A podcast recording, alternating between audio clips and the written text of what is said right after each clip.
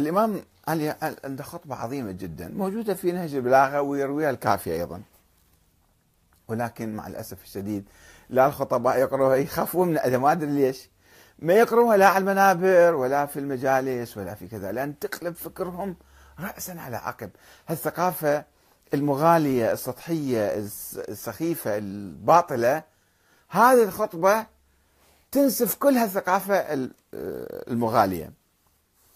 لذلك ما حد يقراها أنا طول عمري ما سمع في من خطيب. إيش قد قاعد تحت خطباء وعلماء ما يقرون هالرواية هذه. شوف هاي روح نهج بلاغة.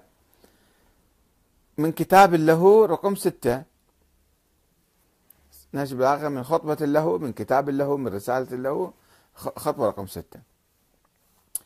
يقول آه الإمام الصع... الإمام أمير المؤمنين عليه السلام لم يعامل عندما أصبح خليفة لم يعامل المسلمين كإمام معصوم مفروض عليهم من الله. أنا كل ما أقول لازم تسمعون كلامي بدون نقاش كما يقول الإمامية. ولذلك لم يصادر حق الأمة في نقده ومراقبته ومحاسبته بل كان يحضهم على ذلك. هو كان يدعوهم إلى أن يمارسوا هذا الدور. ما يكونوا كالعبيد يركضون وراه. ويذكرهم بضرورة قيامهم بدورهم والنظر إليه باعتدال. فقال خطبة طويلة هي أنا اقتف لكم بعض الفقرات من عندها. يقول لا تكلموني بما تكلم به الجبابرة ولا تتحفظوا مني بما يتحفظ به عند أهل البادرة اللي يغضبون بسرعة الحكام المستبدين. تخافون تتكلمون معايا. ولا تخالطوني بالمصانعات بس تجاملوني أحسنت أحسنت وصفقوا لي ولا تظنوا بي استثقالا في حق قيل لي. إذا قلتوا لي في الشيء حق أنا راح أنزعج وما أقبل الحق من عندكم. لا تظنون هالشكل بي. ولا التماس إعظام لنفسي لما لا يصلح لي. أنا ما أتكبر عليكم. فإنه من استثقل الحق أن يقال له أو العدل أن يعرض عليه كان العمل بهما أثقل عليه. إذا أنا ما مستعد أسمع للحق كيف راح أعمل بالحق هذا بعد؟ فلا تكفوا عن مقالة بحق أو مشورة بعدل.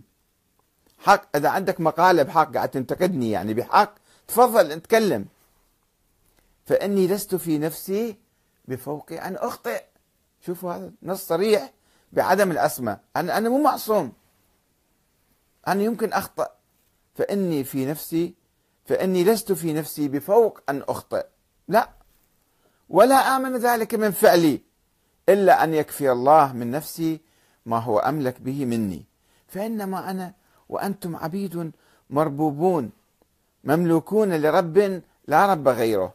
يملك منا ما لا نملك من أنفسنا. شوفوا شلون الإمام يعلمنا؟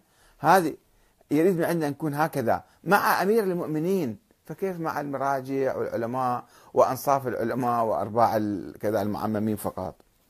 وذهب الإمام إلى مطالبة الأمة بممارسة حق المعارضة المشروعة في وجهه فيما لو تجاوز القوانين الإسلامية أو اعتدى على حق مواطن فقتله أو اعتقله دون ذنب.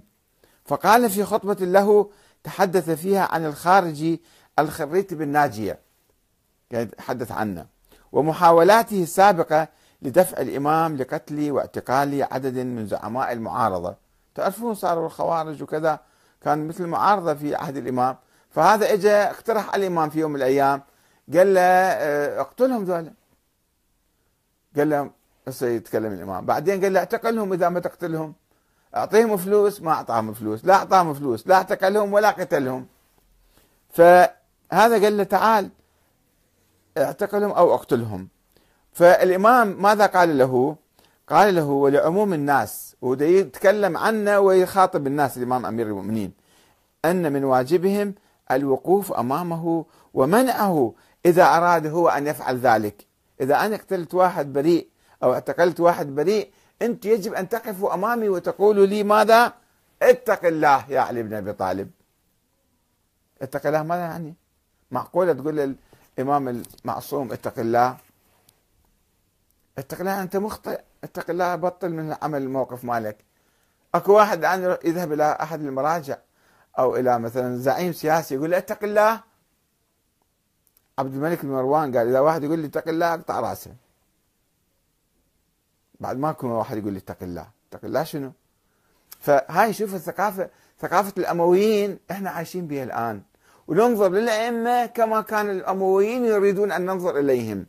ما ينظرون بالأسلوب وبالثقافة اللي علمنا إياها أهل البيت أنفسهم. أنا تعالى تعاملوا ويانا. بصورة طبيعية إحنا مثلكم ترى عبيد مملوكون جميعا لرب لا رب غيره.